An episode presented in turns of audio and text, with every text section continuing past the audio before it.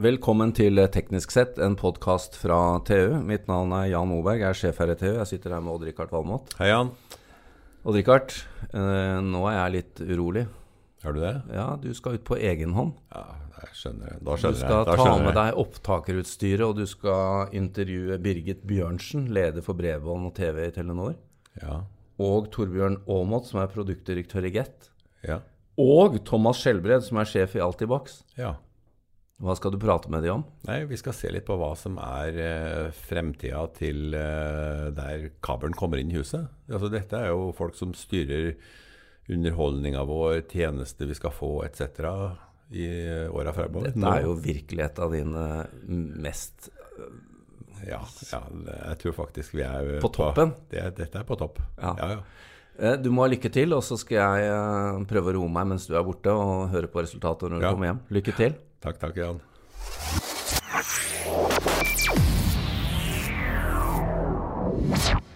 Kabelen det er jo noe vi har hatt uh, lenge, veldig lenge. I Oslo kom jo her på, på 60-tallet. Det var ingen som kalte det kabel-TV da. Den gangen het det svenskeantenne. Og det var fryktelig mange firmaer som drev og førte TV-signaler ned fra Holmenkollen og ned til svenskesugne folk uh, lenger ned i, i bygda. Men så gikk det jo som det måtte gå. Det ble mer teknologi. Det kom flere kanaler. Vi fikk eh, bredbånd inn. Riktignok ikke ja, Det var ikke bredbånd i starten, det var veldig smalt bånd i starten. Men den dukka også opp i den gamle koaksialkabelen.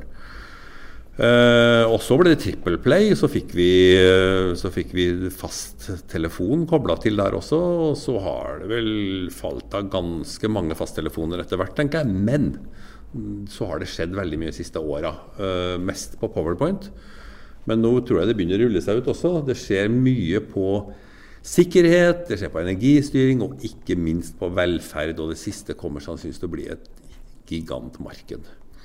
Og da er det en del sånn skift mellom aktører. Jeg tror de som kanskje har det som jeg vil satse penger på, det blir de som eier kabelen. De har veldig mye å vinne. Og de kommer til å konkurrere ut en del av de nye OTT-leverandørene. Eh, Dere var jo først eh, ute, Thomas, med denne nye satsinga. Det var litt eh, tøft i starten, men dere har samla dere igjen. Ja, altså Altibox-partnerskapet var vel tidlig ute med fiber og fikk mye negativ omtale, eller omtale som sa at om vi kunne bruke penger så gæle som det. Eh, Men jeg tror det har vist seg å være riktig.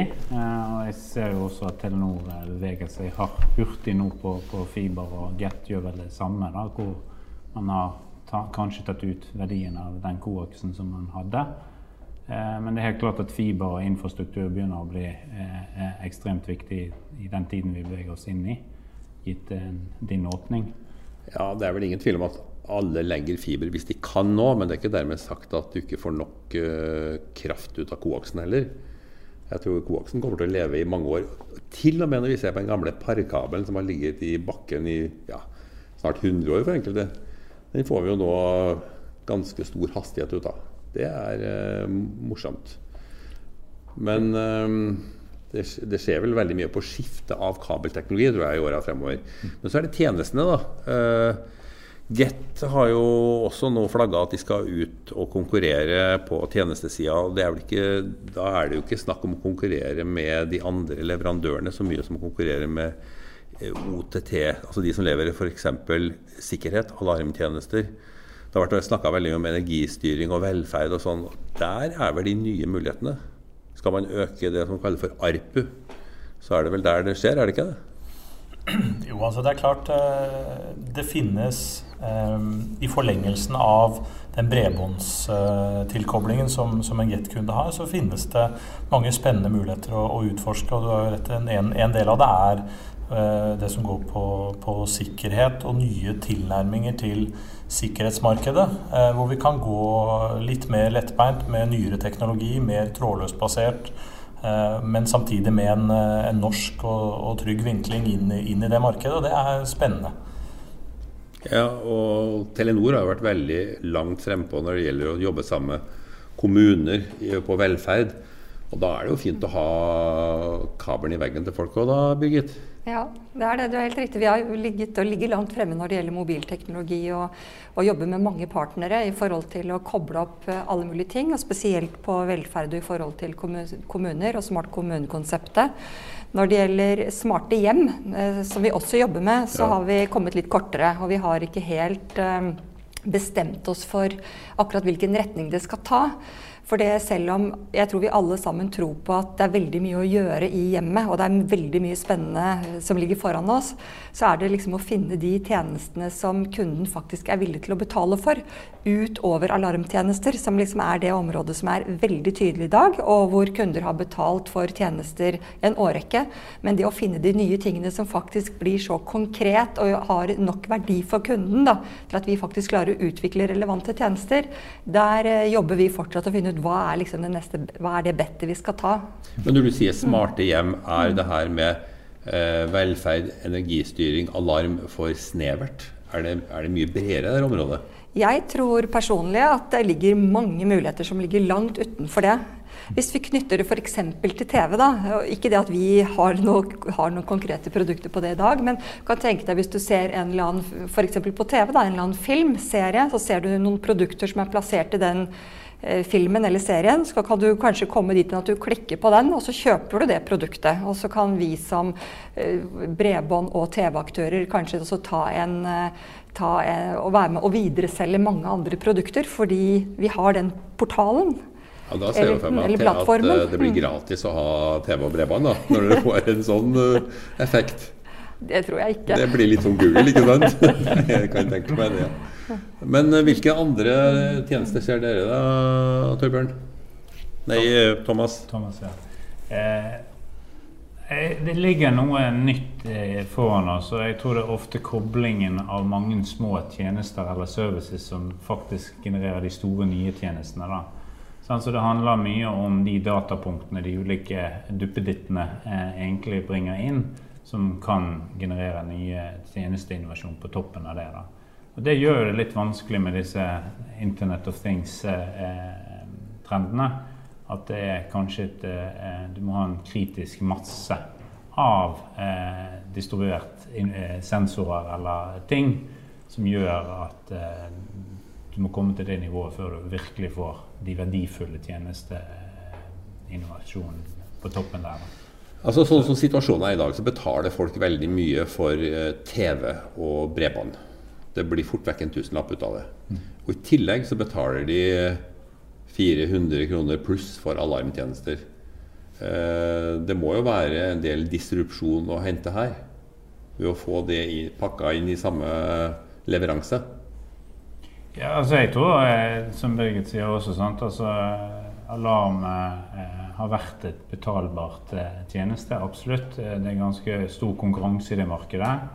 Eh, og egentlig ganske eh, effektive salgsorganisasjoner. Mm. Eh, hvis du ser på marginene innenfor de selskapene, så, så er det ikke så eh, store marginer. Da, og, det er jo for at du skal faktisk hjem til disse folkene i ny og ne. Og det at du har ett besøk hos en kunde, koster masse penger, og, og kanskje noe av grunnen til at uh, marginene forsvinner litt fort ut hvis du ikke du har en verdikjede som er eh, trimmet til det ytterste. da.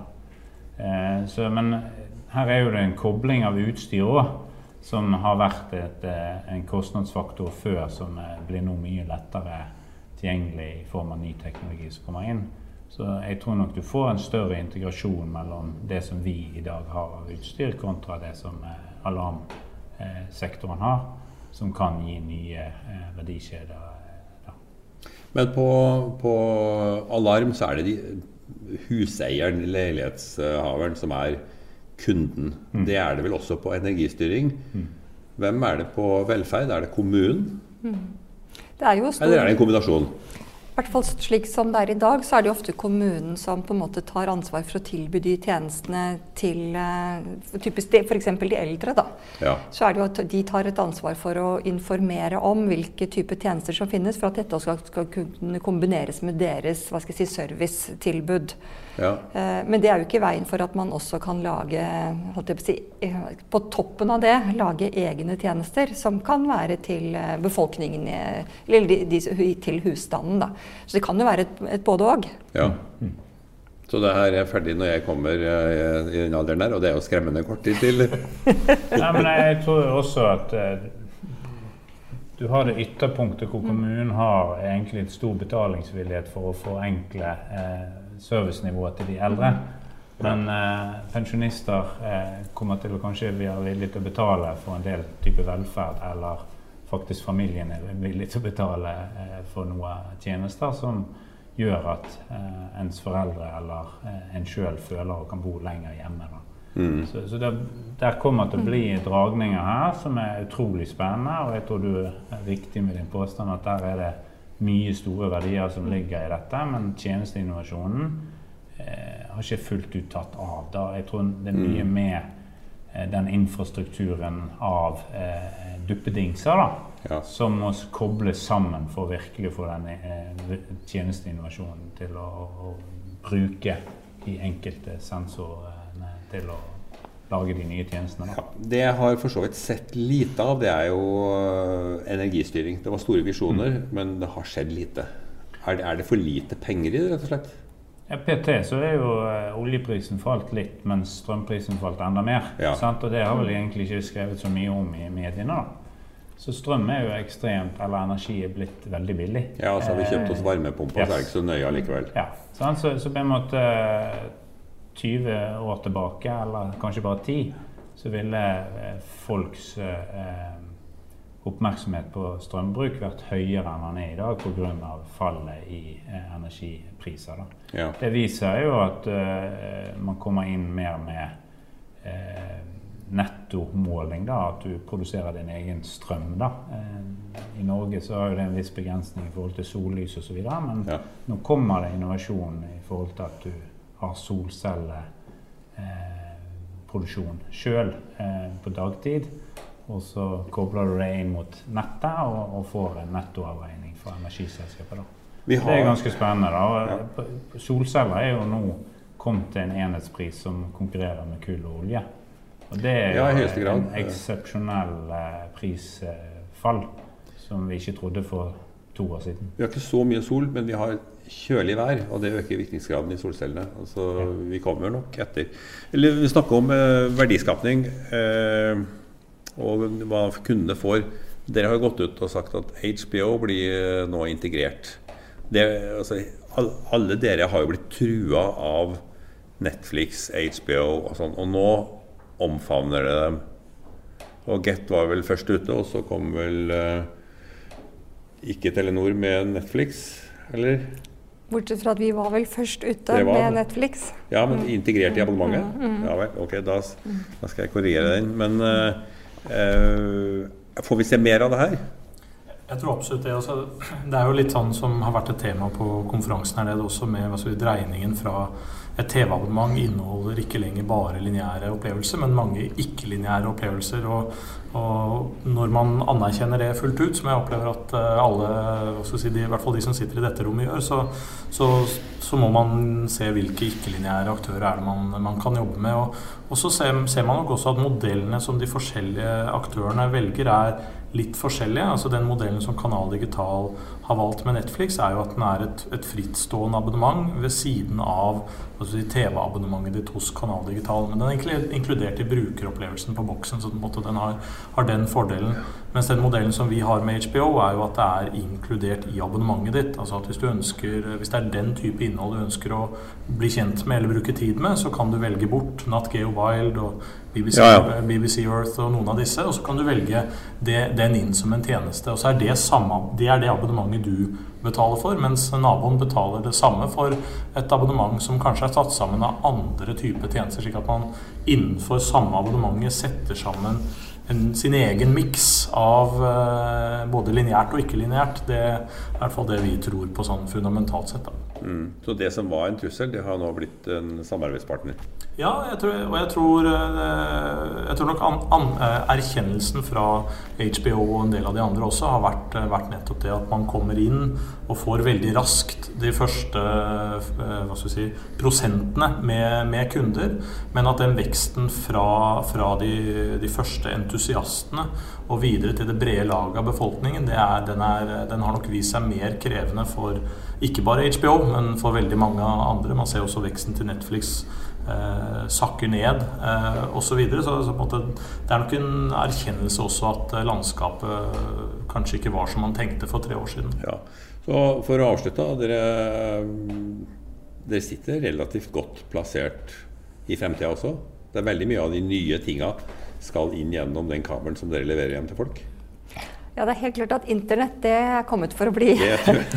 og kundene vil ha mer og mer av, måte, av, av innhold, eh, ja. og konsumere det på mange måter, som gjør at uh, vi må jo fortsatt levere høyere og høyere båndbredde på ja. bredbåndet vårt. Og så ønsker vi å levere masse spennende tjenester på toppen.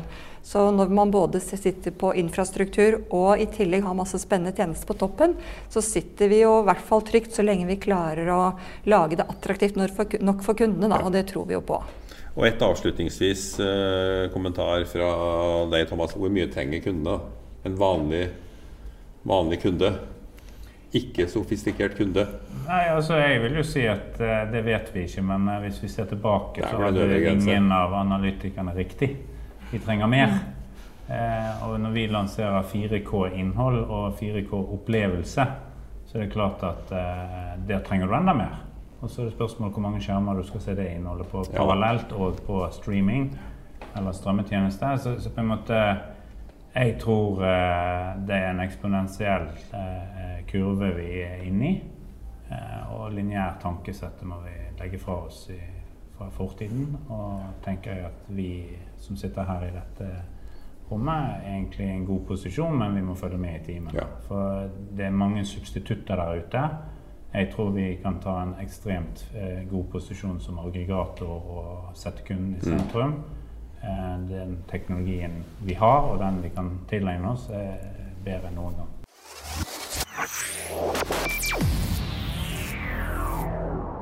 you